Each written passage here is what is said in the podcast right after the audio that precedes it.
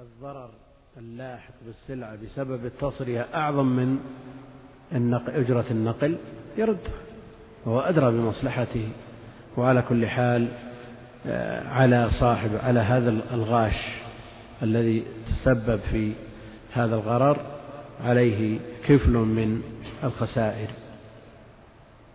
ويحصل هذا بالنسبة للكتب ونحن بين يدي طلبة علم يحصل كثيرا بالنسبة للكتب بعض الناس يشتري الكتاب ويذهب به فإذا طالعه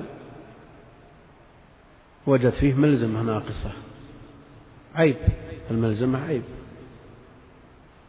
نقص الملزمة أو كونها بياض هذا عيب في السلعة لكن الكتاب بعشرين ريال. بيركب السيارة يروح يرجعه ثلاثين أربعين كيلو. أكثر من قيمة الكتاب. مثل هذا يعني المسألة عقلية يعني يتحمل هذا الغرر وهذا النقص في مقابل ما العناء والكلفة التي الوقت يحتاج إلى وقت طويل ليذهب إلى أقصى الرياض ليرد الكتاب. وكل يقدر مصلحته وإلا فالعيب ترد به السلعة. يقول أيهما أولى بالتقديم أصول الفقه أم الفقه؟ نقول هما معا لا يمشي هذا إلا بهذا. فيأخذ طالب العلم من أصول الفقه ما يحتاج إليه مع معرفته بالمسائل الفقهية بأدلتها. يقول أن تنصحون بحفظ العمدة أم حفظ الصحيحين؟ قابل لا. تحفظ هذه المتون التي هي جواد مطروقة عند أهل العلم فتحفظ الأربعين ثم العمدة ثم البلوغ ثم بعد ذلك يأتي إلى الكتب المطولة المسندة.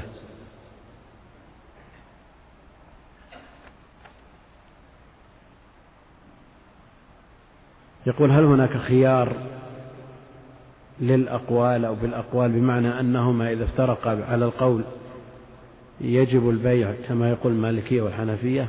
إذا أسقط خيار المجلس إذا اتفق البائع مع المشتري على إسقاط خيار المجلس الأمر لا يعدوهما.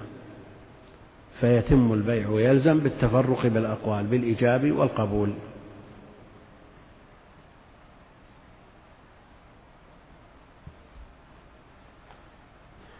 يقول ذكر ابن حجر في فتح الباري أن ظاهر حديث حكيم بن حزام يدل على أن أحد المتبايعين إذا كتم وكذب وصدق صاحبه وبين فإن محق البركة يلحق البيع ويؤجر الصادق على صدقه وإن لم يبارك له في بيعه.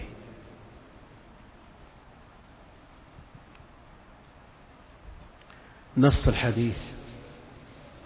فإن صدقا وبينا فإن صدقا وبينا.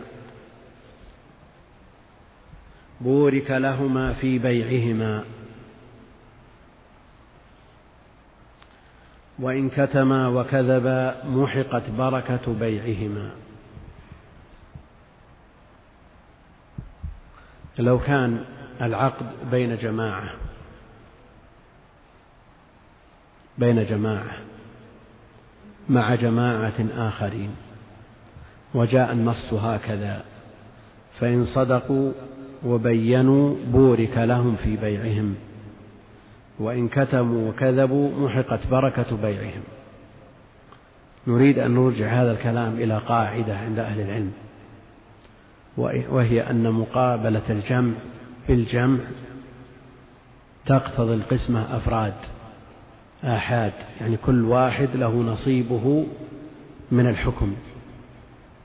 إذا قيل ركب القوم دوابهم. ركب القوم دوابهم. مقتضى ذلك أن كل واحد منهم ركب دابته. فمقابلة الجمع بالجمع تقتضي قسمة أفراد. يعني كل واحد له ما يتعلق به.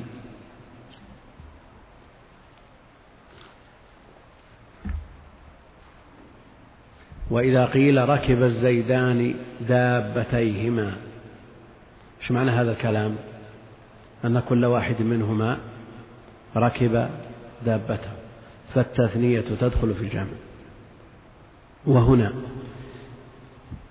إن صدقا وبينا بورك لهما في بيعهما. لو صدق واحد منهما بورك له إن كذب واحد محقت البركة بالنسبة له. فكل شخص مسؤول عن نفسه ومكلف بعمله. ولا تزر وازرة وزر أخرى. ولو قال بالحجر ما قال. القاعدة عند أهل العلم أن مقابلة الجمع بالجمع تقتضي القسمة أفراد. يعني كل واحد له ما يخصه من هذا الجمع. كل واحد من هؤلاء المجموعة له ما يخصه من المجموعة الأخرى. مقابلة جمع بجمع. وهنا مقابلة تثنية بتثنية فكل واحد من الاثنين له ما يخصه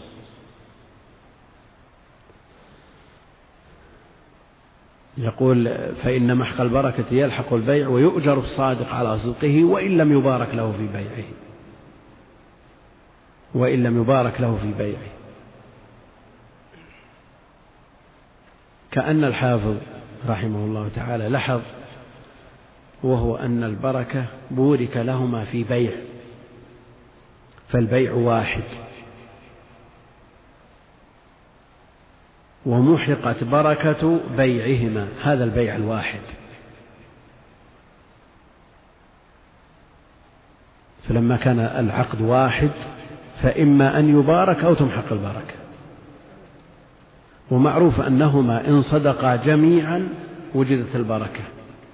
إن كذبا جميعا محقت البركة. لكن ماذا عما لو صدق أحدهما وكذب الآخر؟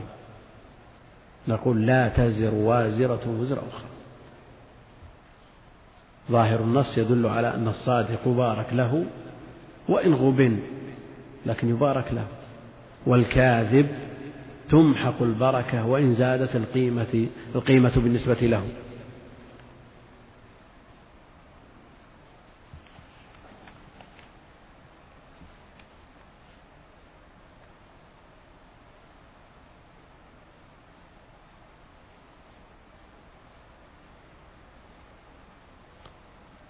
هذا تبع الكتب يقول اشتريت من مكتبة كتب وغبنت في السعر بأكثر من سعرها الحقيقي فماذا ترى في ذلك؟ على كل حال خيار الغبن مقرر عند أهل العلم فإذا زادت القيمة على زاد الغبن على الثلث فإن أهل العلم يثبتون خيار الغبن.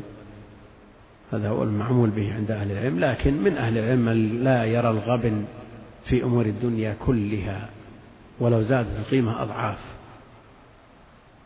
وإنما التغابن في يوم التغابن وأما الدنيا كلها ما فيها غابن هذا القول لا شك له حظ من النظر لكن القول المعتمد عند عند أهل العلم هو الأول.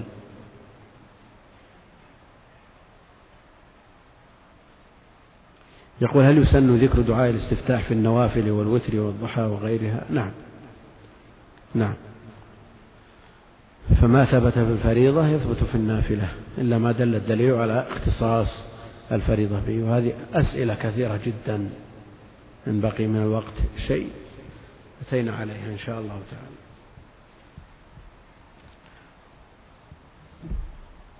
في حديث المصرات يقول ولا تصر الغنم وعرفنا أن في حكمها الإبل والبقر وجاء في الإبل أيضا آه، نص خاص ومن ابتاعها يعني اشتراها فهو بخير النظرين يعني إذا عرف الحقيقة والواقع بعد أن يحلبها. إن رضيها أمسكها لأن الأمر لا يعدو غش وغر لكن الأمر لا يعدو. إذا رضي وأمسك له ذلك وإن سخطها وأراد الرد ردها وصاعا من تمر يعني رد معها صاعا من تمر وهذا حكم نبوي لا يتعدى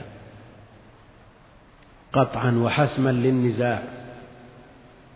حسما للنزاع لأنه لو ترك مثل هذا من اجتهاد الناس لو ترك لاجتهادهم فلن يرضى أحد. صاحب الدابة يقول لبني أكثر والمشتري يقول لبن أقل. على كل حال هذا حكم نبوي ويزعم الحنفية أنه يخالف القياس يخالف القياس لأن المتلفات إن كانت مثلية تضمن بالمثل وإن كانت قيمية تضمن بالقيمة. اللبن مثلي ولا قيمي؟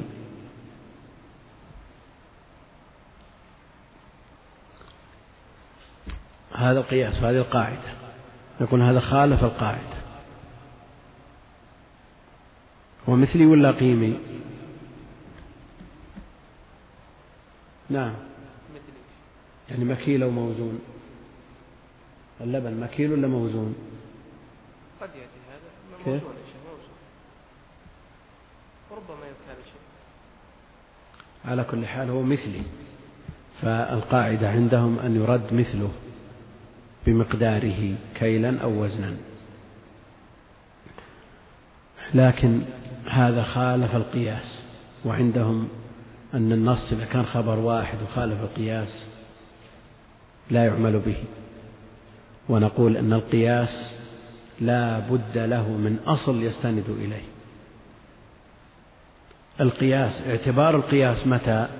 إذا كان له أصل يستند إليه. وقياسهم له أصل.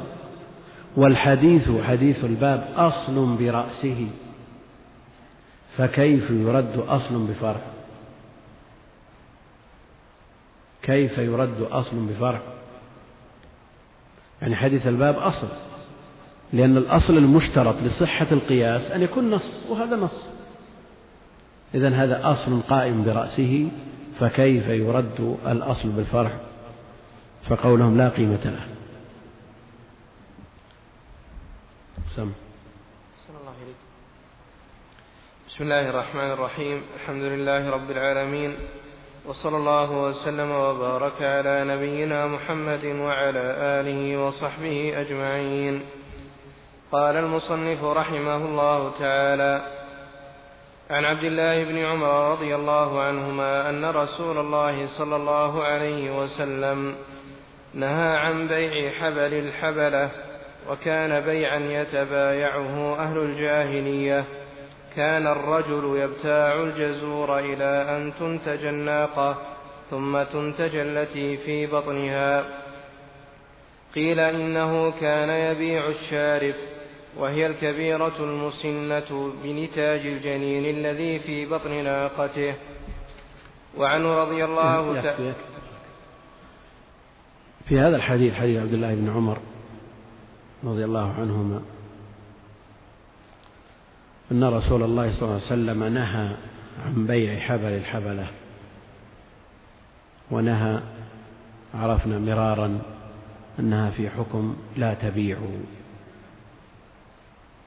فإذا جاء النهي بلا الناهية أو بلفظ النهي نهى رسول الله صلى الله عليه وسلم أو نهينا عن كذا فالحكم واحد. ولا التفات لمن لقول من يقول أنه لا يحتج به حتى ينقل اللفظ النبوي. يعني قول الصحابي نهى رسول الله صلى الله عليه وسلم.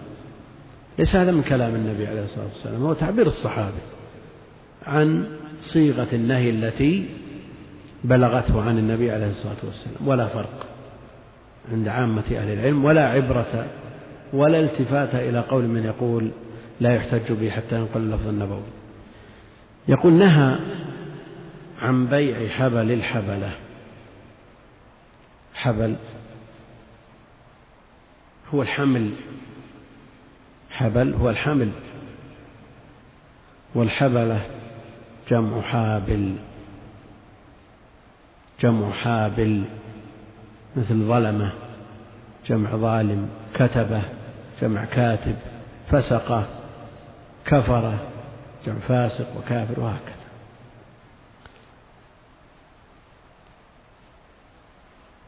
وفي بعض كتب اللغة ما يشير إلى أن الحبل الحبل بالباء يختص بالآدميات بخلاف الحمل فيطلق على ما في بطون الآدميات وغير الآدميات.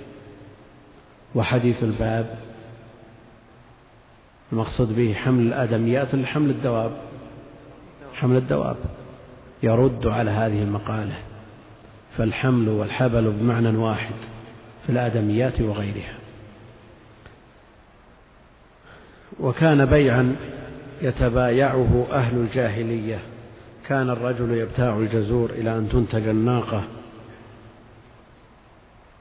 ثم تنتج التي في بطنها كان الرجل هذا حكاية واقع وإلا لو باعه باعت المرأة هذا البيع قلنا حرام.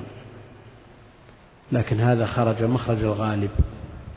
يبتاع الجزور والمقصود به الإبل سواء كان ذكرا أو أنثى. كله يقال له جزور إلى أن تنتج الناقة. تنتج فعل إيش؟ مبني لأي شيء. والناقة إيش؟ من الذي ينتجها؟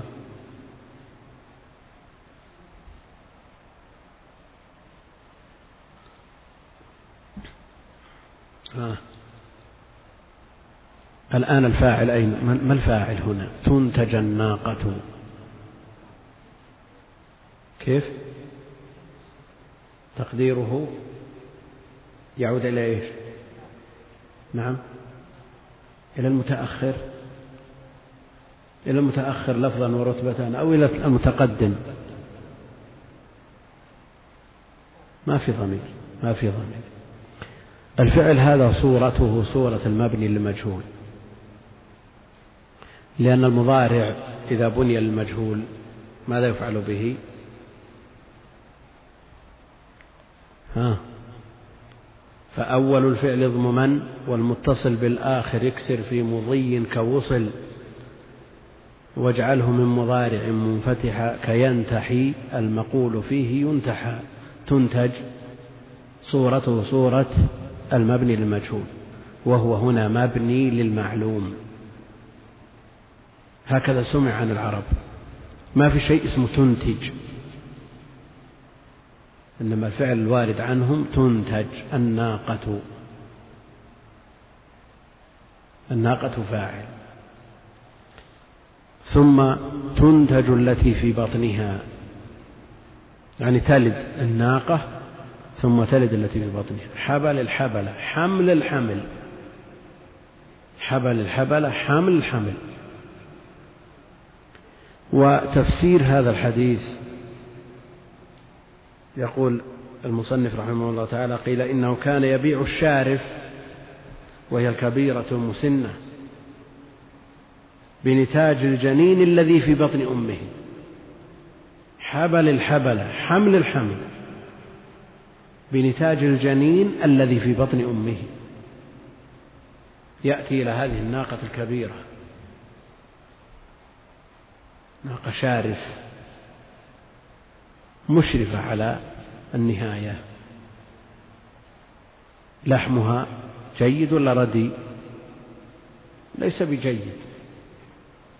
ولادتها محتملة ولا لا؟ نعم. يقول بدلا من أن تجلس لا أستفيد من لحمها ولا ولدها. أبيعها آجل بحمل حمل هذه الناقة. زيد عنده شارف ناقة كبيرة مسنة وعمر عنده ناقة حامل أو حابل في بطنها حبل. يأتي زيد إلى عمرو ويقول أبيع هذه الشارف في في الحبل الذي في بطن هذه؟ لا. الحبل الذي سوف تحبل به ما في بطن هذه الناقة. حبل الحبلة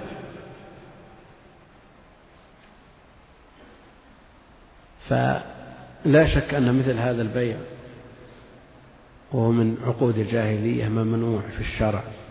لماذا؟ نعم. الجهالة وغرر وهو أيضا بيع معدوم. بيع معدوم. بيع معدوم وغير مقدور على تسليمه ومجهول من كل وجه الغرر فيه. يعني بيع الحبل الذي في بطن هذه الناقة أسهل من بيع حبل الحبل. لماذا؟ احتمال أن يكون ما في بطن هذه الناقة ذكر. فكيف يشترى أو يباع حبل الحبل الذي في بطن هذه الناقة؟ كيف يؤول العقد؟ ما مآل العقد فيما لو كان الحبل الأول ذكر. لا بد أن مثل هذا يفضي إلى النزاع. وإذا كان الشرع يمنع من بيع الحبل الأول فلا أن يمنع الحبل الثاني من باب أولى. لا يجوز بيع الحمل في البطن للغرر والجهالة. وما يدرى مصيره هل يخرج حي أو ميت. هذا أحد التفسيرين لحبل الحبلة ومنهم من يقول إن معنى حبل الحبلة أن يجعل حبل الحبلة أجل يحل به الثمن. صاحب الشارف يبيعها على عمر زيد صاحب الشارف يبيعها على عمر لا يبيعها بحبل الحبلة يبيعها بمبلغ من المال. مئة درهم. متى يحل هذه المئة درهم؟ إذا نتجت إذا نتج الحمل الحبل الذي في بطن هذه الناقة. يكون الأجل الآن الذي في بطن هذه الناقة متى يولد؟ يولد بعد أشهر. نعم. افترضنا أن هذا الحبل صار أنثى ثم صلح لأن يحبل فحبل ثم ولد هذا الحبل وحينئذ يحل الأجل. الأجل معلوم ولا مجهول؟ مجهول. وعلى كلا الوجهين البيع ممنوع ومنهي عنه محرم وهو بيع باطل. لأن الجهالة لا شك أنها تفضي إلى النزاع. بعض الجهالات في البيوع إذا كانت مغتفرة ويسيرة أو تابعة لمعلوم جازت. اشتريت بيت. هل من لازم هذا البيع أن تعلم كل ما في البيت؟ نعم. ما يلزم. ما يلزم أن تعرف كل ما في البيت من أساسات. تقول للبائع اكسر لي هذا الجدار لأنظر أساسه ولا ما يحتاج. هذه جهالة لكنها مغتفرة نعم. وعنه رضي الله تعالى عنهما أن رسول الله صلى الله عليه وسلم نهى عن بيع الثمرة حتى يبدو صلاحها. يبدو يبدو. حتى يبدو صلاحها. نهى البائع والمشتري. وعن أنس بن مالك رضي الله تعالى عنه أن رسول الله صلى الله عليه وسلم نهى عن بيع الثمار حتى تزهي. قيل وما تزهي؟ قال حتى تحمر. قال أرأيت إذا منع الله الثمرة؟ بما يستحل أحدكم مال أخيه. نعم. حديث ابن عمر الثاني ولذا كني عنه بالضمير وعنه وهذه عادة أهل العلم في المختصرات أنهم لا يعيدون الاسم ظاهر. إذا كان الراوي هو راوي الحديث السابق فيقولون وعنه وعنه يعني عن ابن عمر راوي الحديث السابق أن رسول الله صلى الله عليه وسلم نهى عن بيع الثمرة حتى يبدو صلاحها نهى البائع والمشتري. الذي في الصحيحين والعمدة من الصحيحين هذا الأصل. نهى البائع والمبتاع. وإن كان ابن حجر شرح على هذا اللفظ في فتح الباري نهى البائع والمشتري لكنه لا يوجد فيه شيء من روايات الصحيحين. إنما نهى البائع والمبتاع والمبتاع هو المشتري. ونهى البائع والمشتري هذا لفظ أبي داود. نهى رسول الله صلى الله عليه وسلم عن بيع الثمرة حتى يبدو صلاحها. نهى البائع والمشتري متى يبدو صلاح الثمرة؟ حتى تزهي حتى تزهي كما بين في الأحاديث الأخرى. وفي حديث حتى تشقح حتى تشقح. ما معنى تزهي تحمر أو تصفر تحمار بالمد أو تصفار بالمد أيضا كما في بعض الروايات في رواية أخرى كما عندنا حتى تحمر.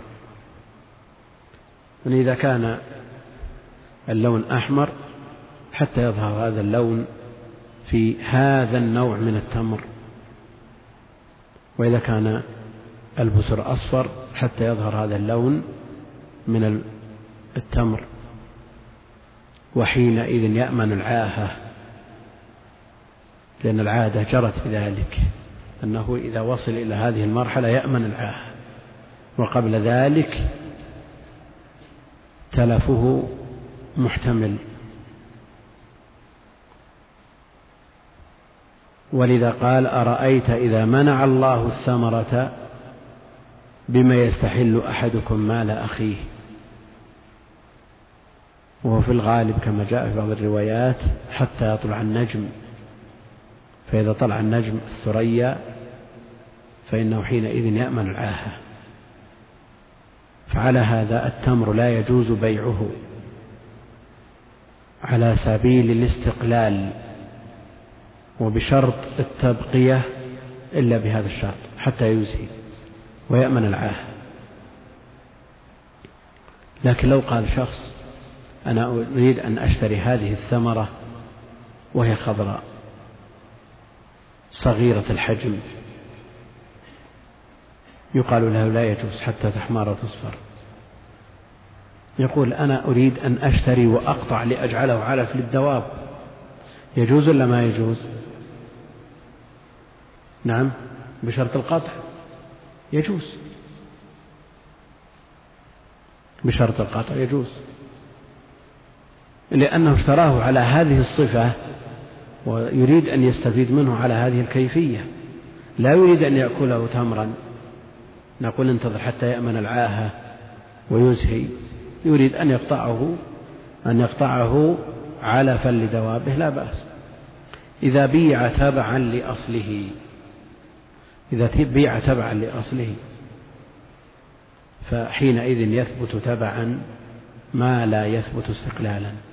إذا بيعت النخلة بما عليها حينئذ يجوز بيعه ولو لم يزهي ولو لم يحمر أو يصفر لأن البيع لهذه النخلة.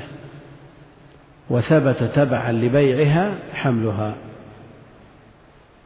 ومثله ما لو بيعت شاة. في بطنها حبل أو ناقة أو بقرة. نقول لا يجوز بيع الحمل. لا يجوز بيع الحمل في البطن؟ نعم على سبيل الاستقلال لا يجوز لكن تبعا لأمه يجوز لأن القاعدة أنه يثبت تبعا ما لا يثبت استقلالا. قال أرأيت إذا منع الله الثمرة يعني أصابتها آفة أو وقف نموها. وقوف النمو معروف يستمر. شيص يسمونه. تعرفون الشيص؟ نعم. يستمر. هنا منع الله الثمرة بمنع نموها. فإذا أراد المشتري أن يشتريها للأكل أو بشرط التبقية حتى تنضج؟ يقال لا لا حتى تزهي. لأنه إذا باعها عليه فمنع الله الثمرة صار من أكل أموال الناس بالباطل. وإن وجد التراضي من الطرفين لأن التراضي لا وحده لا يكفي. نعم التراضي من الطرفين شرط لصحة البيع بمعنى أنه لا يجوز الإكراه لا على البيع ولا على الشراء.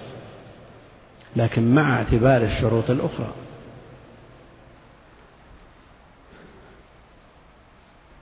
نعم.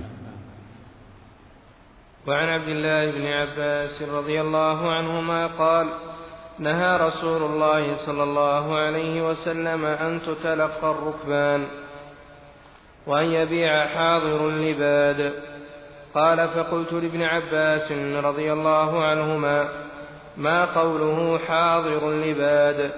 قال لا يكون له سمسارا. نعم. تقدمت الإشارة إلى بيع الحاضر للبادي تلقي الركبان وعرفنا العلة في ذلك. يقول ابن عباس نهى رسول الله صلى الله عليه وسلم في الرواية الأخرى لا تلقوا الجلب لا تلقوا الركبان.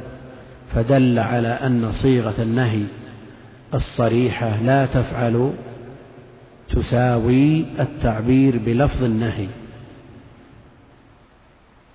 وأنه لا عبرة بقول من يقول لا حجة في التعبير بالنهي أو الأمر حتى ينقل اللفظ النبوي هذا القول ساقط لا حظ له من النظر.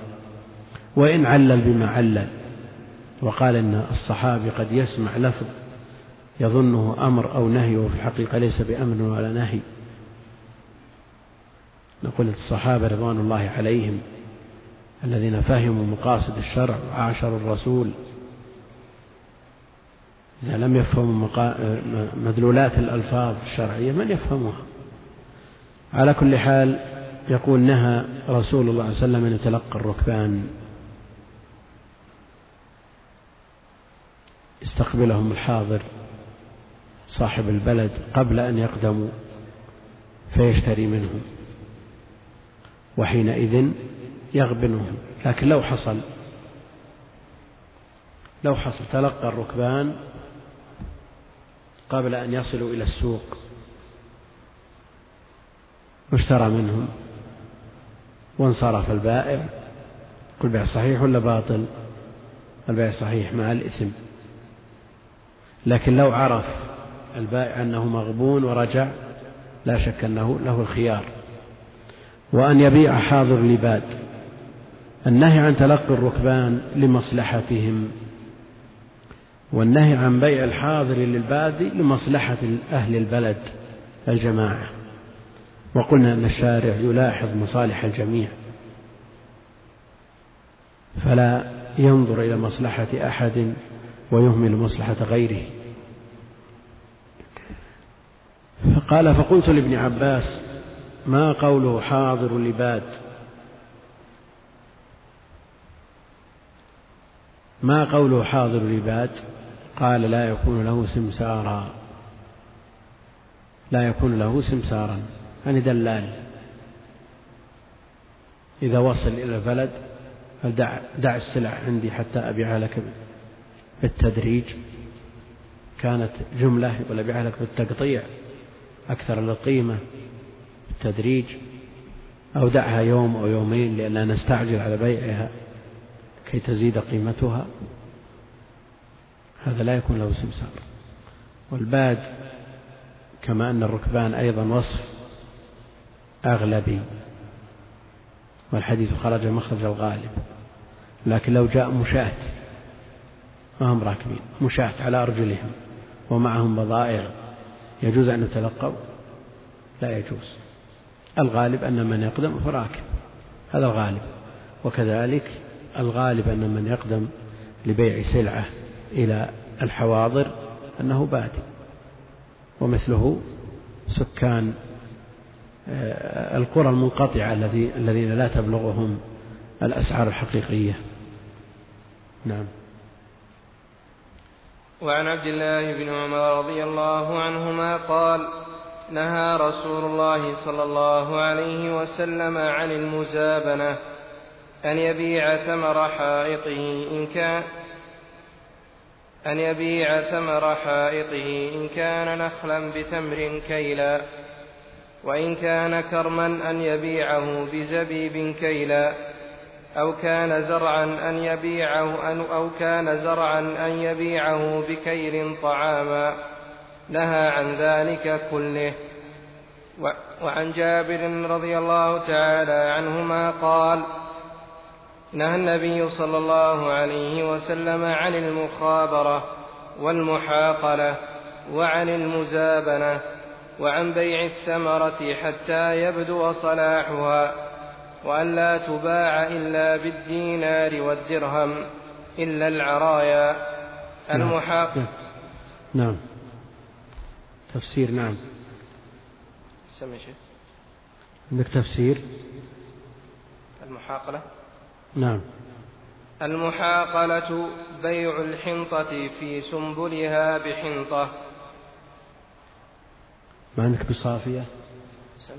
بصافية ما في. ما عندي. هذه بعض النسخ بعض النسخ بصافية. عن عبد الله بن عمر رضي الله عنهما قال نهى رسول الله صلى الله عليه وسلم عن المزابنة. المزابنة مفاعلة من طرفين كما تقتضيه الصيغة من الزبن وهو الدفع بمعنى أن كل واحد يدفع صاحبه. إيش معنى المزابنة؟ المزابنة أن يبيع ثمر حائطه إن كان نخلا بتمر كيلا وإن كان كرما أن يبيعه بزبيب كيلا إن كان زرعا أن يبيعه بكيل طعاما نهى عن ذلك كله. نهى عن ذلك كله عن جميع هذه الصور وما في معناها. المزابنة. مفاعلة من الطرفين. كل واحد يزبن الثاني أن يدفعه. معنى هذا تأتي إلى صاحب بستان وتمره على رؤوس النخل رطب.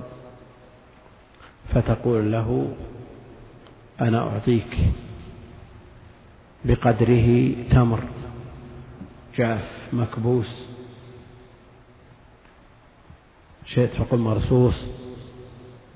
الآن كم يجي هذا من صاع الذي على رؤوس النخل؟ نعم يقول خمسمائة صاع. يقول أنا أعطيك خمسمائة صاع مكبوس جاهز. كل إن شئت وبع إن شئت.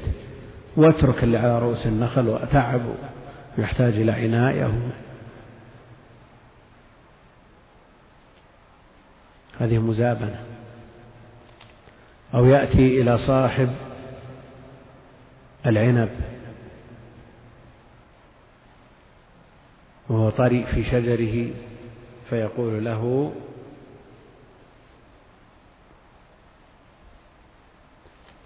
فيقول له أنا أشتري منك هذا العنب وهو في عريشه في أشجاره بهذه الصناديق من الزبيب والعنب. افترض أنه ألف كيلو وهذا الصناديق فيها ألف كيلو. أو يأتي إلى صاحب الحب في سنبله فيبيعه بقدره طعام جاهز. كل هذا لا يجوز. كل هذا لا يجوز. لماذا؟ لأنه إذا بيع الربوي بجنسه إذا بيع الربوي بجنسه ماذا يشترط؟ نعم. المماثلة تساوي وأن يكون يدا بيد تقابض. طيب هذا يقول الآن أنا أسلمك التمر المكبوس خذه الآن. وأنا أستلم ما على رؤوس النخل بالتخلية لأن القبض في كل شيء بحسبه.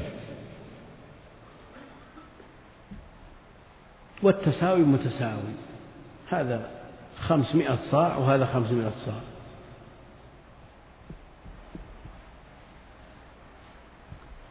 تم التماثل والتقابل فما علة المنع؟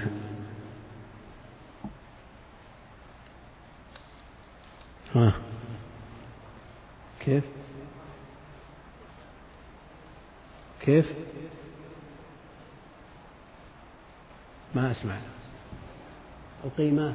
لا القيمة غير منظور إليها غير منظور إليها. لو جئت بصاع من التمر الذي لا يسوى ريالين أو ثلاثة أو خمسة وبدلته أو بعته بصاع مما يستحق مئة ريال ما, أحد يقول لك حرام.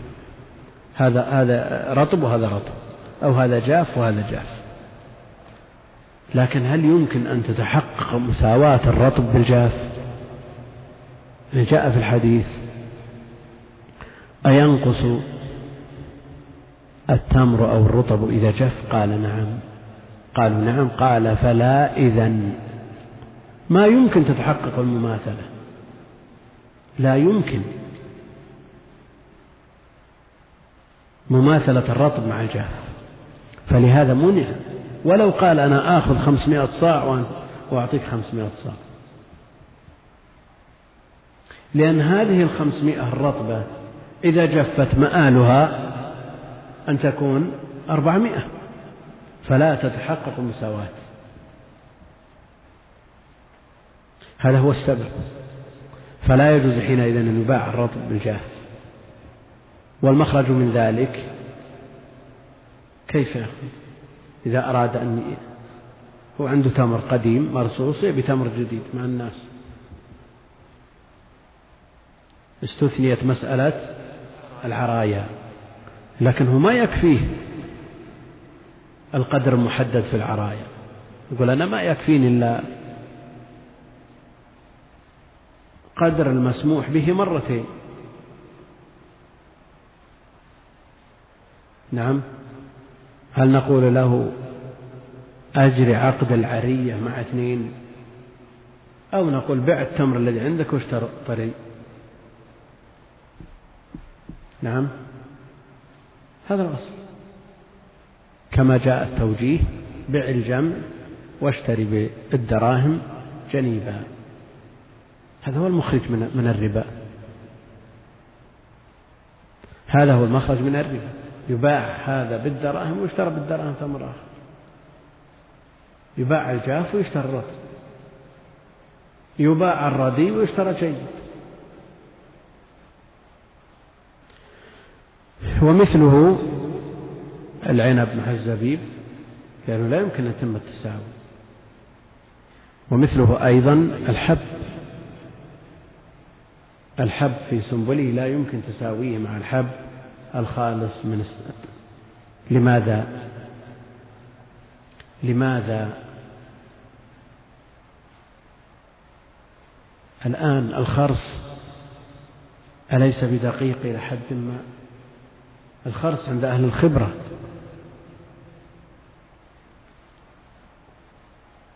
نعم. دقيق إلى حد ما يعني يأتي الخبير ويقدر ما في هذا البستان من التمر من الزبيب من العنب من من من العيش إلى آخره. دقيق إلى حد ما.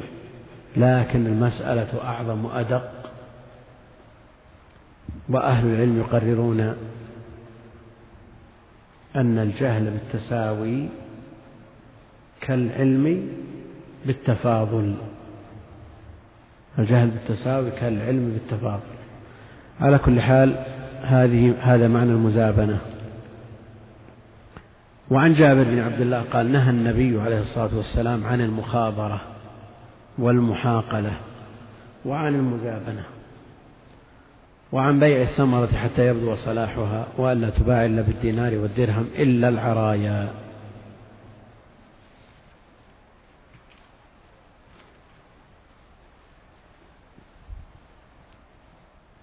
نهى النبي عليه الصلاة والسلام عن المخابرة مفاعلة.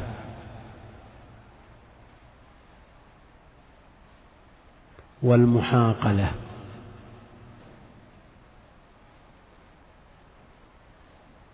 وعن المزابنة تقدم. وعن بيع الثمرة حتى يبدو صلاحها أيضا تقدم. وألا تباع إلا بالدينار والدرهم إلا العراء. المخابرة والمحاقلة.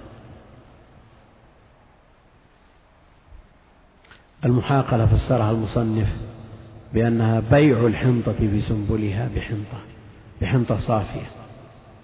بيع الحنطة في سنبلها بحنطة صافية. فتدخل في إيش في المزابنة في الحديث السابق. وكان زرعا أن يبيعه بكيل طعام. تدخل في المزابنة على هذا. هذا تفسير المحاقلة عند المصنف. ومن أهل العلم من يرى أن المخابرة والمحاقلة والمزارعة معانيها متقاربة. فالمحاقلة أن تدفع الحقل إلى من يزرعه المخابرة أخذ من معاملة النبي عليه الصلاة والسلام أهل خيبر أن يعملوا في هذه البساتين بالدراهم والدنانير أو بجزء, بجزء مشاع مما يخرج منها. وعلى كل حال الكلام في المزارعة طويل والخلاف بين أهل العلم كثير. جاءت أحاديث عن رافع بن خديج وغيره في منع المزارعة منعا باتا. يعني في حكمها المخابرة والمحاقلة. وجاءت أحاديث تدل على جواز المخابرة والمزارعة والمحاقلة وفعلها النبي عليه الصلاة والسلام بمعنى أنه عامل أهل خيبر. بجزء فتنزل الأحاديث التي تمنع هذه المعاملات على إيش؟ المزارعة. تدفع الزرع لمن يعمل فيه بأجرة بدراهم أو دنانير. فيه إشكال ولا ما فيه إشكال؟ نعم. لا إشكال فيه. هذا أجير. تدفع هذا الزرع لمن يسقيه أو تدفع هذه الأرض لمن يزرعها.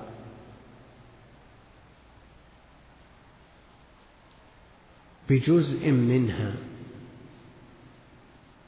لا يخلو هذا الجزء إما أن يكون مشاعا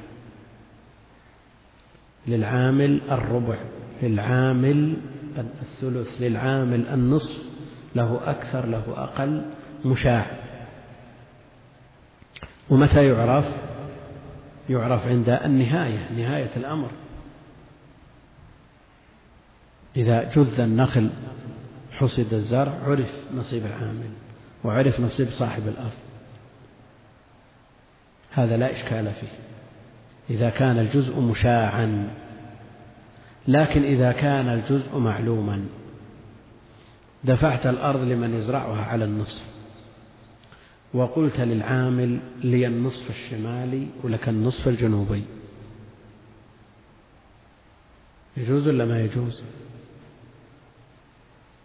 لا يجوز. لا يجوز ذلك. وعلى, ذا وعلى هذا تتنزل أحاديث المنع. وعلى هذا تتنزل أحاديث المنع. لماذا؟ لأنه قد نعم. لأنه قد ينبت الزرع وينمو حتى يتم في نصيب العامل ويموت الزرع في نصيب صاحب الأرض فيتضرر صاحب الأرض أو العكس فيتضرر العامل. وعرفنا مرارا أن الشرع جاء بالتوازن وجلب المصالح للجميع. ولا يكون أحد يستفيد على حساب غيره. فعلى هذا إذا كانت بهذه الصورة لك النصف الشمالي ولي النصف الجنوبي نقول لا. وما يدرك لعله لا تنبت ينبت هذا الجزء الذي خصصته للعامل. فبم تستحل عمل أخيك؟ فبما تستحل عمل أخيك ولعله ينبت الجزء الذي العامل دون الجزء الذي صاحب الأرض فبما يستحل العامل نتاج أرض أخيه. تقدم لنا أرأيت إن منع الله الثمرة أرأيت إذا منع الله الثمرة بما يستحل أحدكم على أخيه؟ وهذه يمكن أن تطرد في جميع الصور.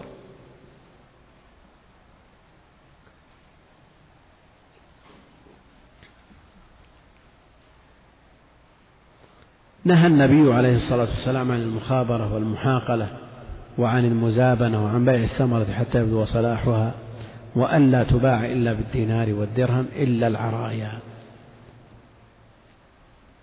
المزابنة عرفنا أنها في التمر وفي الحب وفي العنب. وهل يقاس عليها غيرها أو لا يقاس؟ مسألة خلافية بين أهل العلم. لكن هذه الثلاثة. إذا كانت رطبة لا تباع إلا بالدينار والدراهم يعني لا تباع بجاف لا تباع بجاف إلا العرايا إلا العرايا. والعرايا يأتي تفسيرها في الباب اللاحق. نعم. وعن أبي مسعود الأنصاري رضي الله تعالى عنه أن رسول الله صلى الله عليه وسلم نهى عن ثمن, عن ثمن الكلب ومهر البغي وحلوان الكاهن. وعن رافع بن خديج رضي الله تعالى عنه أن رسول الله صلى الله عليه وسلم قال ثمن الكلب خبيث ومهر البغي خبيث وكسب الحجام خبيث. حديث أبي مسعود عقبة بن عمرو البدري الأنصاري بدري منسوب إلى بدر على خلاف بين أهل العلم هل شهد الواقعة أو لمجرد كونه سكن بدرا فنسب إليها؟ والبخاري رحمه الله يثبته في من شهد بدرا والجمهور على أنه لم يشهد بدرا.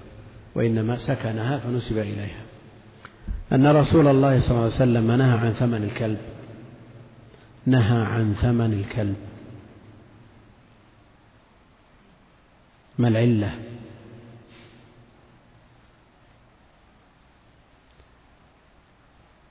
نعم. نجس. الآن الكلب لا يجوز بيعه. مطلقا. ولا البيع الذي يستفاد منه يجوز بيعه؟ من شروط صحة البيع أن تكون العين المباحة. إيش؟ مباحة النفع مطلقا ولا بلا حاجة؟ أن تكون العين مباحة النفع. إيش؟ من بيقولون بلا حاجة. نعم. كيف؟ أن تكون العين يعني السلعة المباعة مباحة النفع بلا حاجة في هذا القيد. لأنه إذا كان نفعها مقيدا بالحاجة كالكلب حينئذ لا يجوز بيعه. نهى عن ثمن الكلب. لا يجوز بيعه مطلقا. طيب راد فلان احتاج الكلب صيد احتاج الكلب زرع احتاج الكلب ماشية وقد أذن الشارع باتخاذه. نقول هذا يباح نفعه للحاجة وحينئذ لا يجوز بيعه. فالذي يجوز بيعه لا يقيد بالحاجة. يكون مباح النفع مطلقا من غير قيد بالحاجة.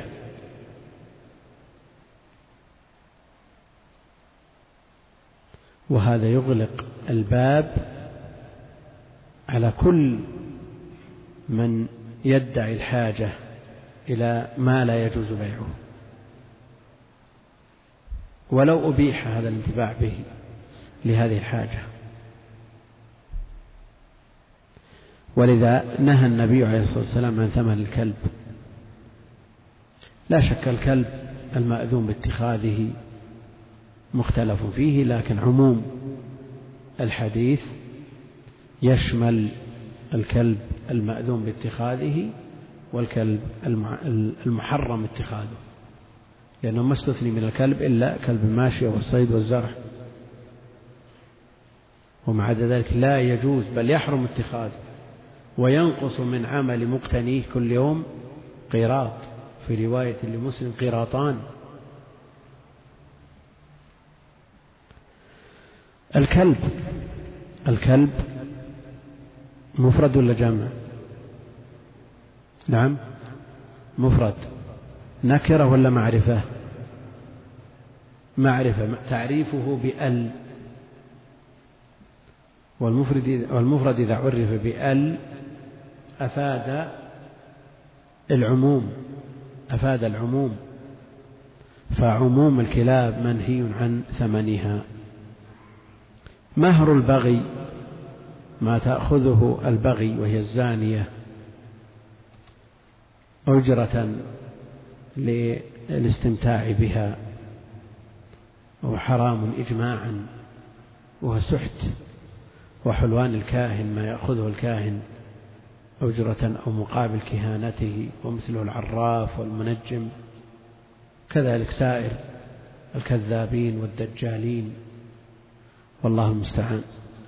مهر البغي وحلوان الكاهن محل إجماع أنه لا يجوز أخذه.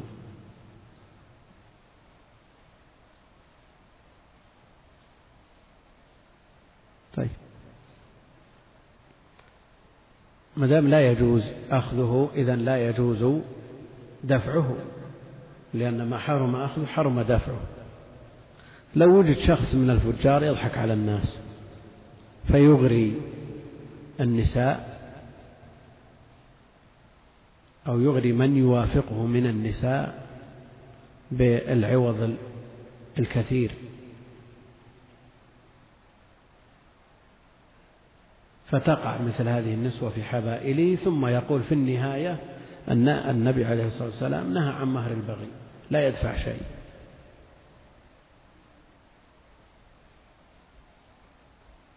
يتخذ مثل هذا الذريعة ومثله من يتعامل بمعاملات محرمة والشرع يمنع من مثل هذه المعاملات. من يقدم على الربا ويعرف تحريم الربا وفي قرارة نفسه أنه لن يدفع إلا رأس مال المرابي فيأخذ أموال الناس بهذه النية. نقول مثل هذا ينبغي أن يعامل بنقيض قصده. فتؤخذ منه هذه الأموال وتصرف بنية التخلص منها لأنها كسب خبيث. بنية التخلص منها في المصارف غير الطيبة في مجاري في دورات في غيرها فيما أشبهها. ولا يترك لمثل هؤلاء الذين يتحيلون على العقود المحرمة في مثل مهر البغي مثل حلوان كاهن مثل تعامل بربا. يقدم وهو عارف بالحكم يغرر بهؤلاء. هم نعم هم مجرمون. كلهم مشتركون في الإجرام لكن إذا بذل أكثر قد يغرر بالعفائف. لو جاء شخص لامرأة محتاجة عفيفة محصنة وتحت ضغوط الحاجة وظروف المجتمع قال أنا أدفع مليون.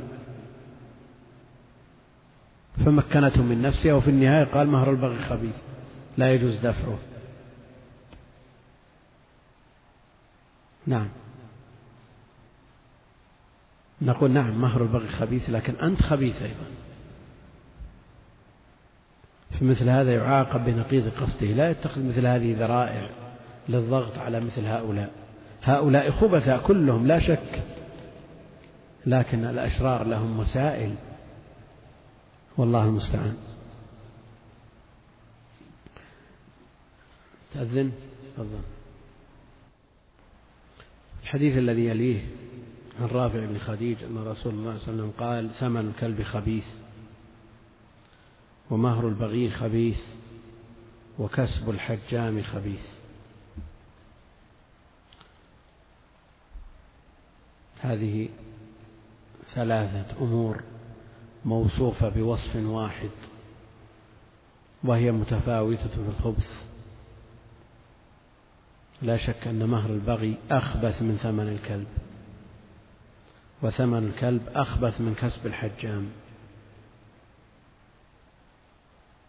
ولا يقول بالتساوي إلا من يقول بالاحتجاج بدلالة الاقتران وهي ضعيفة جدا عند جماهير أهل العلم. ثمن الكلب خبيث عرفنا أن الكلب لا يجوز بيعه ولو اقتضت الحاجة. لا يجوز بيعه ولو اقتضت الحاجة شخص احتاج كلب كلب صيد. احتاج كلب زرع. احتاج كلب غنم. ماذا يصنع؟ يوجد كلاب عند بعض الناس معلمة على هذه الأمور ولن يستطيع الوصول إليها أو الحصول على حاجته إلا بدفع قيمتها.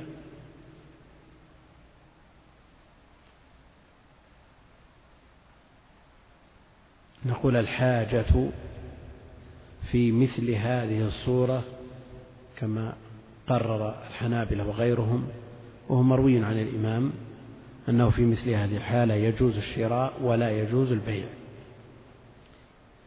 الثمن خبيث بالنسبة للبائع لكن الدافع المحتاج. بيع المصحف المصحف بيعه حرام. عند جمع غفير من أهل العلم لأن بيعه امتهان له لكن شخص احتاج مصحف والذي هو بيده لا يدفعه إلا بقيمة. نقول قاعدة الحنابلة اشتر هذا المصحف. بالنسبة للمشتري محتاج ما عليه شيء كلام في البائع. احتاجت كتاب وقف. ولا وجدت غيره. كتاب وقف أنت بحاجته. وبيع الوقف حرام. نقول أنت محتاج ومعذور والبائع قيمته خبيثة. قيمة المبيع خبيث على كل حال مثل هذه الأمور تقدر بقدرها. لا شك أن فيه شوب من التعاون. تعاون مع هذا البائع الذي يبيع صاحب هذه المكاسب الخبيثة لكن مع ذلك الأمور تقدر بقدرها. مهر البغي خبيث ثمن الكلب خبيث كسب الحجام خبيث. النبي عليه الصلاة والسلام احتجم وأعطى الحجام أجرته وسأل مواليه أن يخففوا عنه.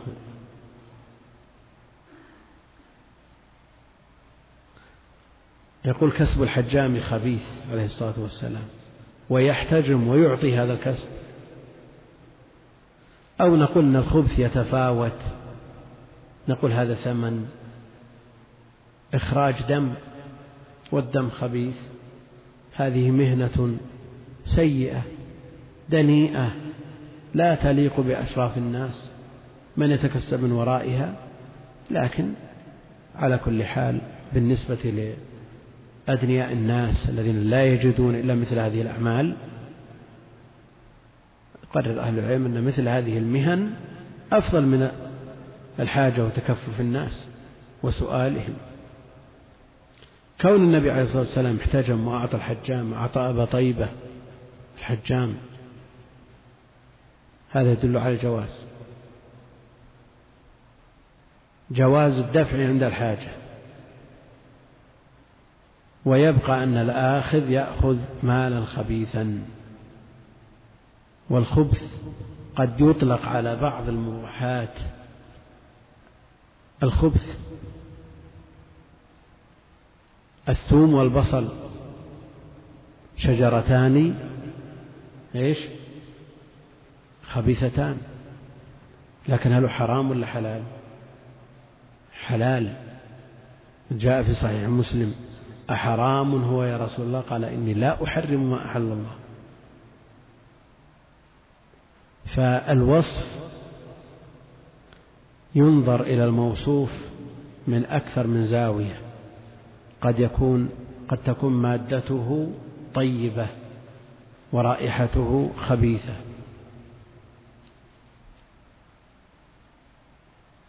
نعم فينظر إليه من أكثر من جهة ويطلق على الثوم حينئذ أنه طيب من جهة وخبيث من جهة.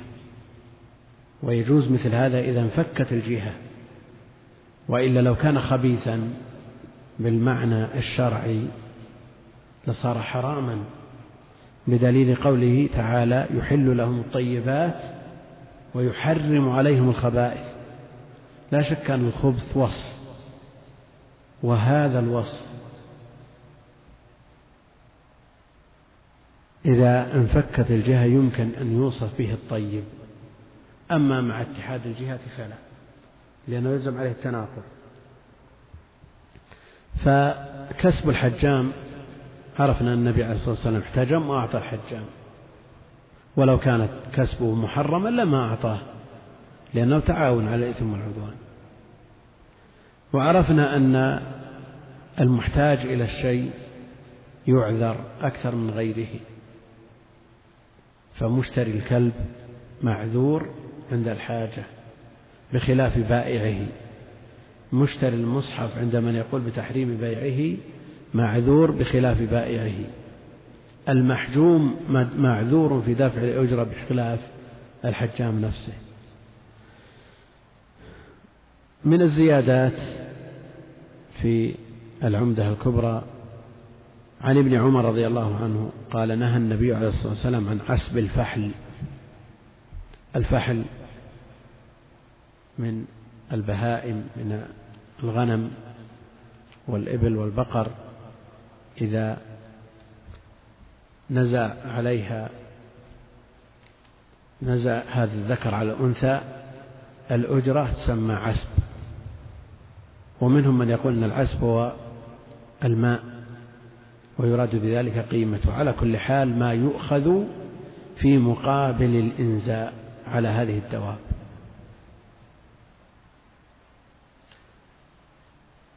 وكل هذه الأمور التي هي في الأصل مباحة ككسب الحجام وعسب الفحل. الشارع حينما يطلق مثل هذه العبارات من أجل أن يتعاون الناس ويتبادلوا المصالح ولا تكون الدنيا هي همهم. احتاج أخوك إلى ما عندك. لا يلزم أن يكون كل شيء بالحساب.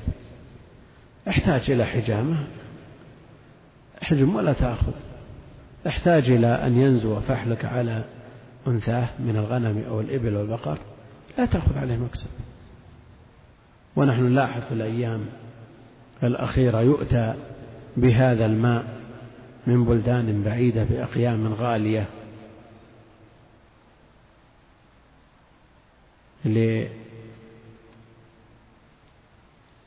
لتحسين النسل كما يقولون. وعلى كل حال هذه المهن مهن دنيئة.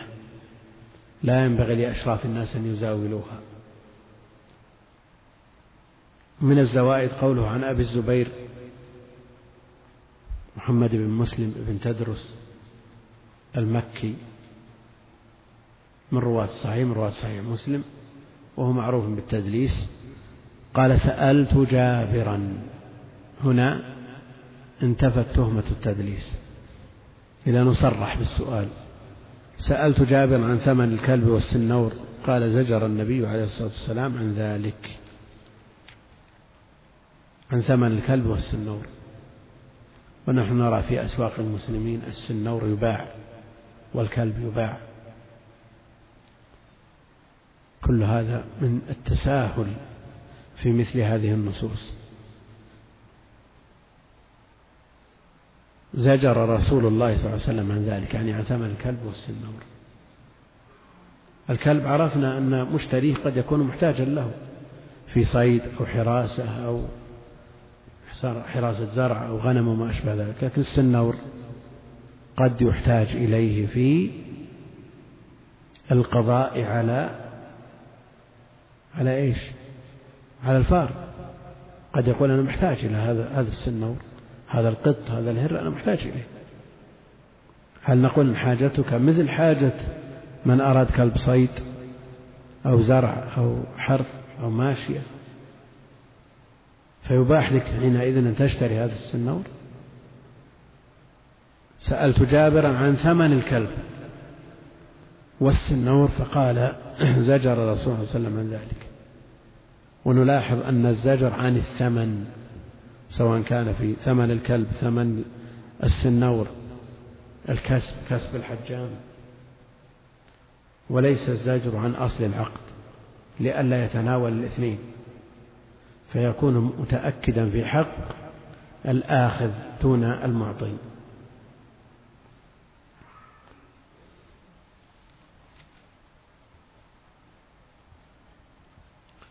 هذا يسأل عن شروح العمدة الصغرى التي نحن بصدد شرحها من أعظم شروحها شرح ابن دقيق العيد إحكام الأحكام. و ابن الملقن الإعلام بما في عمدة الأحكام بفوائد عمدة الأحكام. طيب ومن ذلكم تيسير العلام في موارد الأفهام من سلسبيل عمدة الأحكام وفي كتب كثيرة شروح العمدة أكثر من عشرة لكن من أنفسها وأجودها لطالب العلم المتأهل شرح ابن دقيق العيد على صعوبة فيه وتعقيد في عبارته ومآخذه. يعني شرح ابن الملقن على طوله أسهل من شرح ابن دقيق العيد. وحواشي الصنعاني على شرح ابن دقيق العيد مفيدة جدا. تحل كثير من الإشكالات فيعتني طالب العلم بهما. وشرح الشيخ ابن بسام شرح متوسط وسهل يدركه أحد المتعلمين. هذا يقول ما الأفضل لطالب العلم من شروح بلوغ المرام؟ هل هو فتح العلام شرح بلوغ المرام أو سبل السلام؟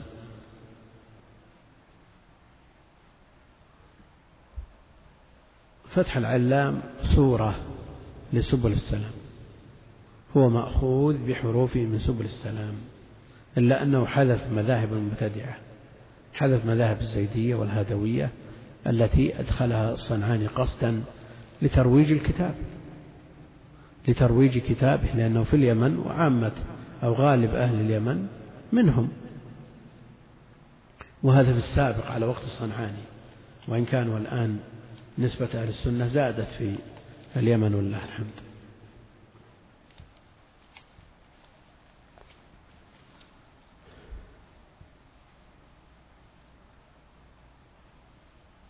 هذا يسأل عن السنور ما هو؟ سؤال من من برا من الجزائر. السنور هو القط وهو الهر. وله أسماء كثيرة جدا. يختلف اسمه من بلد إلى بلد لكن الهر معروف. مثلها القط أيضا.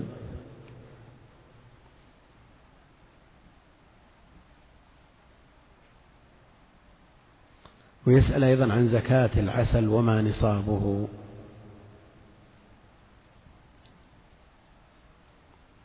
زكاة العسل. من يجيب؟ نعم. نعم. عرض.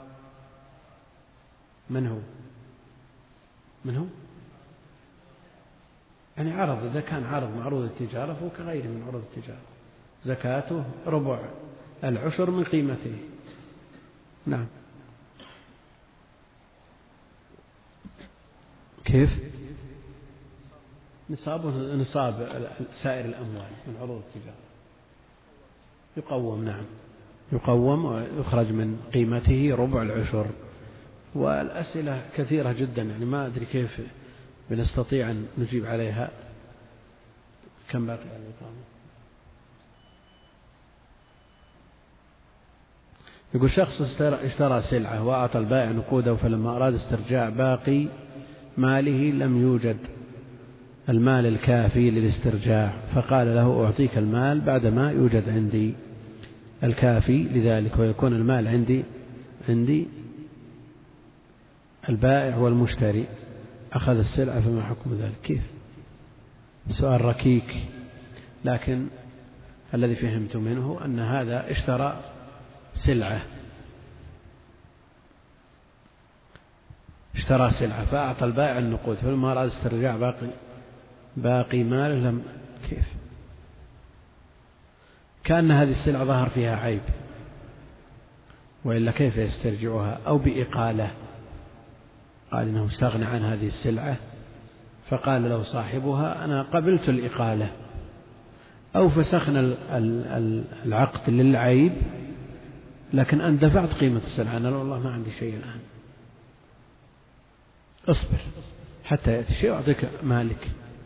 اشترى سلعة بألف ريال فظهر فيها عيب فأرجعها إلى صاحبها. قال نعم قبلت. أو تبين له أنه ليس بحاجة إلى هذه السلعة فذهب إلى البائع فقال أقلني جزاك الله خير. قال قبلت خلاص أقلت اترك السلعة.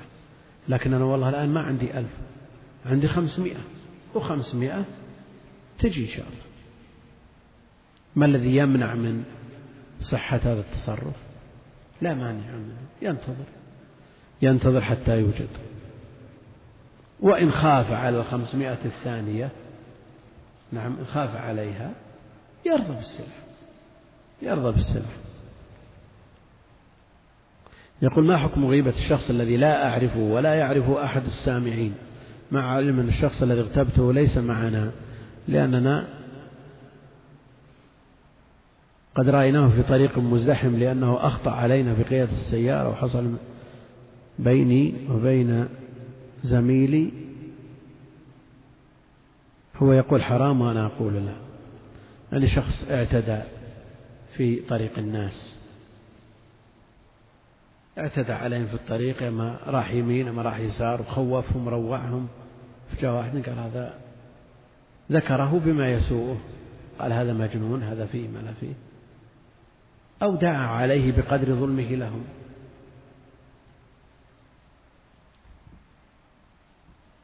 إذا كان مجهول فلا غيبة له.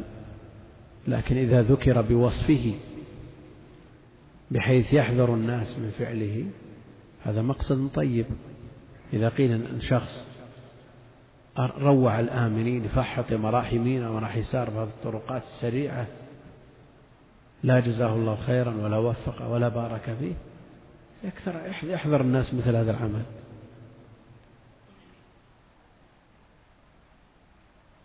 يقول هل الفترة المحددة لرد السلعة تكون على أساس اتفاق البائع والمشتري أو أن هناك فترة شرعية بذلك؟ أما إذا اتفقوا على وقت للخيار هذا يسمى خيار. إذا اتفقوا على وقت على أن يردها المشتري خلال ثلاثة أيام أربعة أيام شهر لا بأس. الأمر لا يعدوه. لكن إذا لم يتفق على وقت نعم؟ فجاء في النصوص ما يدل على الثلاث فهو بالخيار ثلاثا مثل حديث المصرات فإذا زاد على الثلاث ليس له أن يرد.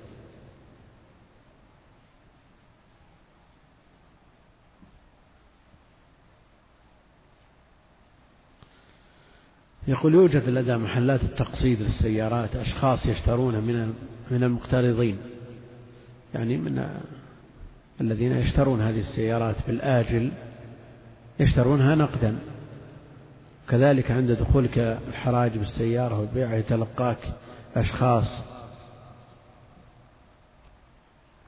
فهل هل هذا من تلقي الركبان المنهي عنه؟ إذا كان الشخص متصور أنه لا يعرف قيمة السلعة لا يعرف ماذا تستحق هذه السلعة.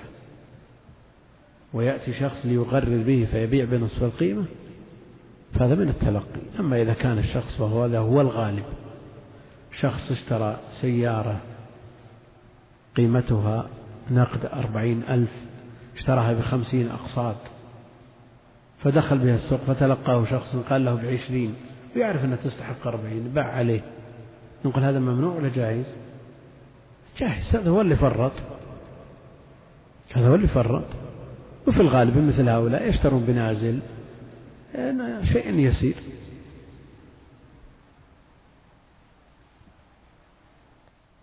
يقول يحدث في بعض المتنزهات أنه يوجد شخص معه مجموعة من البضائع معه مجموعة من البضائع ومعه شيء يرمى به مثل المسدس فيأتي الشخص ويدفع عشرة ريالات ويرمي فأي نوع أصابه من البضاعة أخذه. فهل يدخل هذا ضمن بيع الحصاة أو المنابذة؟ هذا بيع الحصاة. وهي أن يرمي الحصاة على بضاعة أو على رأس من الغنم أو على ثوب أو على مجموعة ثياب أي ثوب يقع عليه وهذا منه. هذا من بيع الحصاة.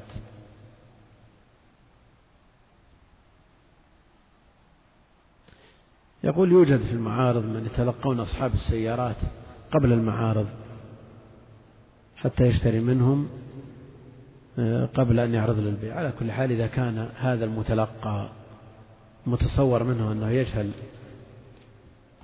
الثمن وباع ادعى أنه يجهل وباع وادعى الغرر صار بالفعل يعني الثمن آه، قليل بالنسبة لما تستحقه له الخيار.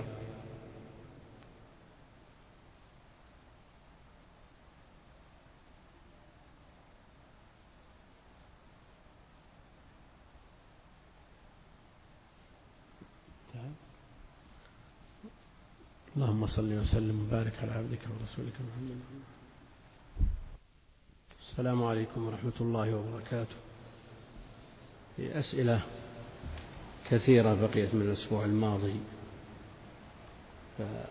فنبدأ بشيء منها حتى يتمكن الإخوة أئمة المساجد من إدراك أول الدرس؟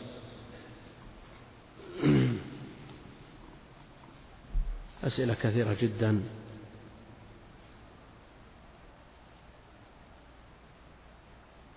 يقول ما حكم ما تفعله بعض المحلات التجارية بتعليق لوحة السلعة المباعة لا ترد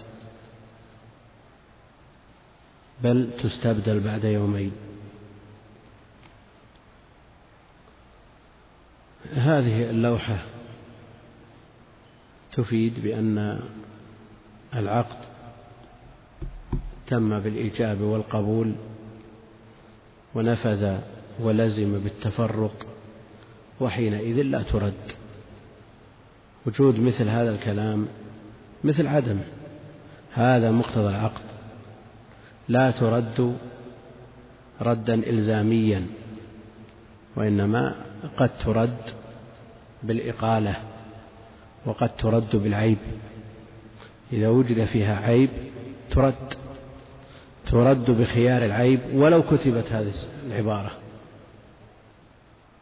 ولو كتبت هذه العبارة.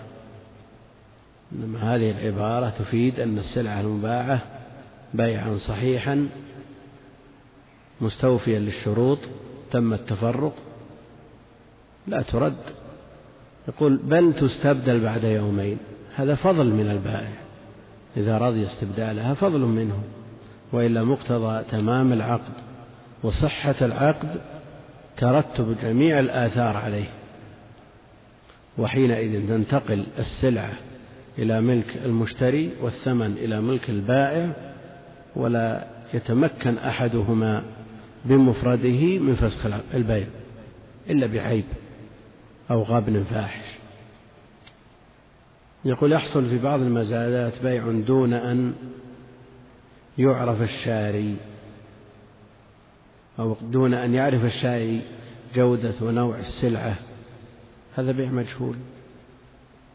لا بد أن تكون السلعة معلومة تكون المبيع معلوم كما أنه لا بد أن يكون الثمن معلوما. شرط من شروط البيع. معلوم برؤية أو بصفة دقيقة.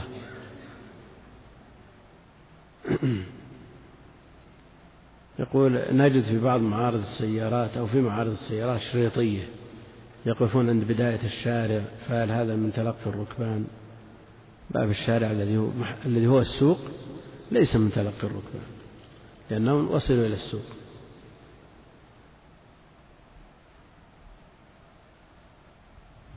يقول هذه البيوع التي ذكرت في حديث أبي هريرة علمنا أن العقد صحيح فما المقصود من النهي؟ هل هو التحريم أم ماذا؟ نعم. النهي يفيد التحريم كما هو الأصل فيه.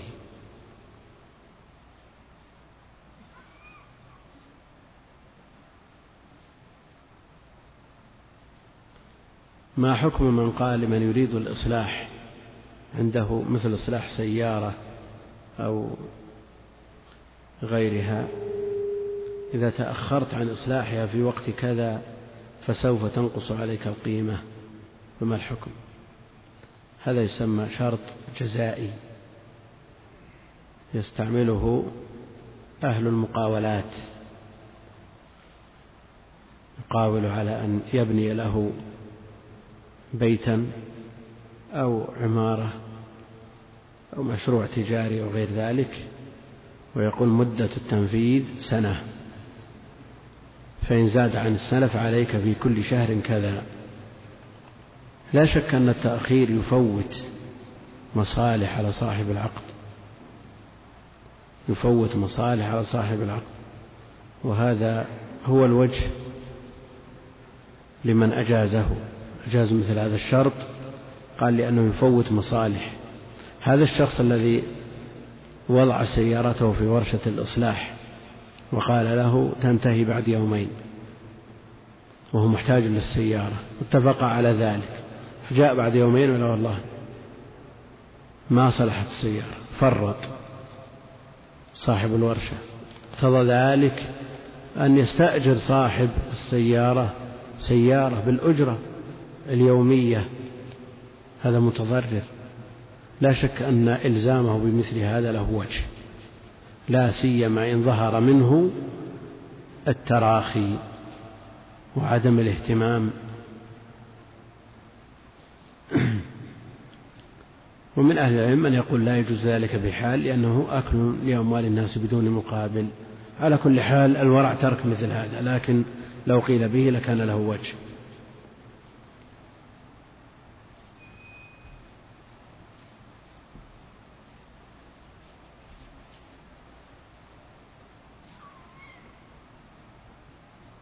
يقول في الوقت الحاضر اتسعت وسائل الاتصالات فالركبان يعرفون السلع فهل يحرم تلقيهم في هذا الوقت أم لا؟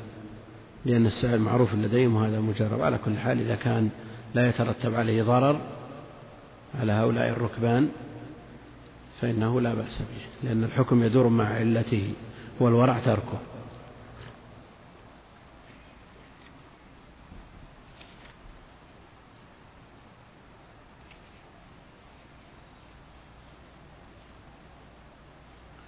يقول اشتريت من رجل جهاز إلكتروني ووعدني بأن يحضر جميع ما يتعلق بهذا الجهاز. وبعد البيع والتفرق تبين لي أنه نقص شيئا من هذا الجهاز. فما الحكم؟ ما يتبع الجهاز عادة يكون داخلا في البيع ولو لم ينص عليه. وعلى هذا يلزم بدفعه إلى المشتري. يلزم بدفعه إلى المشتري. كما أن ما يشمله مسمى البيت يدخل فيه وما يتبع السيارة من استبنة وعفريتة وما أشبه ذلك يدخل في البيت.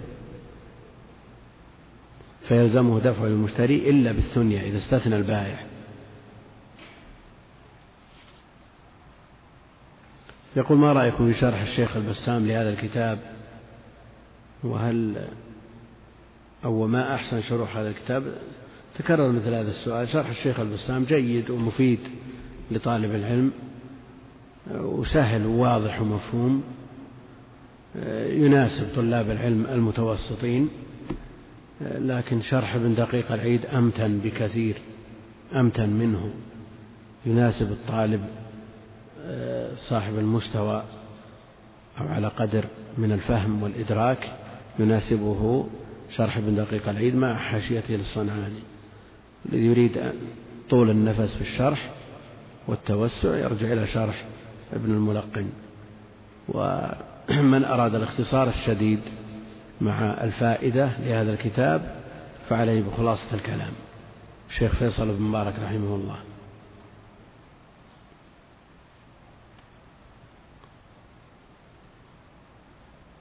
ما هي الإقالة؟ الإقالة إجابة الطالب من بائع أو مشتري. إذا ندم البائع على بيع السلعة وطلب من المشتري أن يتنازل عن البيع هذه ووافق على ذلك فهي الإقالة. وكذا لو ندم المشتري على شراء هذه السلعة ووافقه البائع على ردها صارت هذه الإقالة.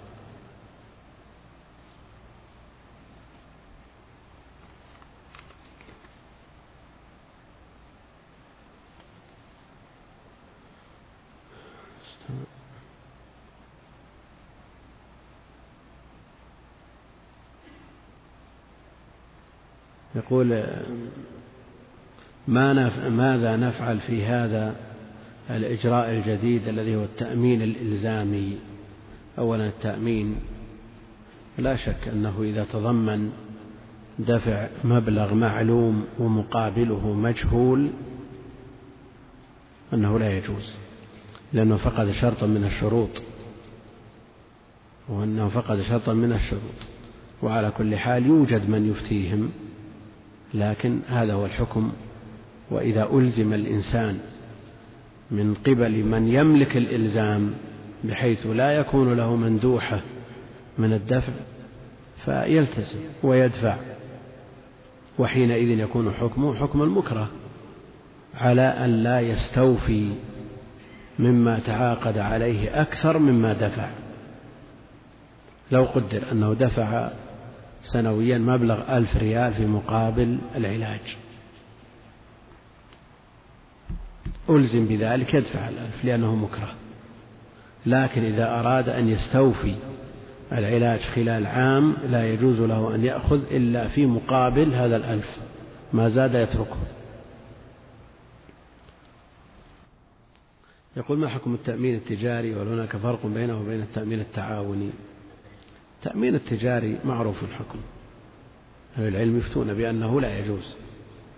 التأمين التعاوني كان المقصود به أن من الناس من ذوي اليسار من يتبرع بأموال ينفق منها على المحتاجين بحيث لا يدفع المحتاج شيئا.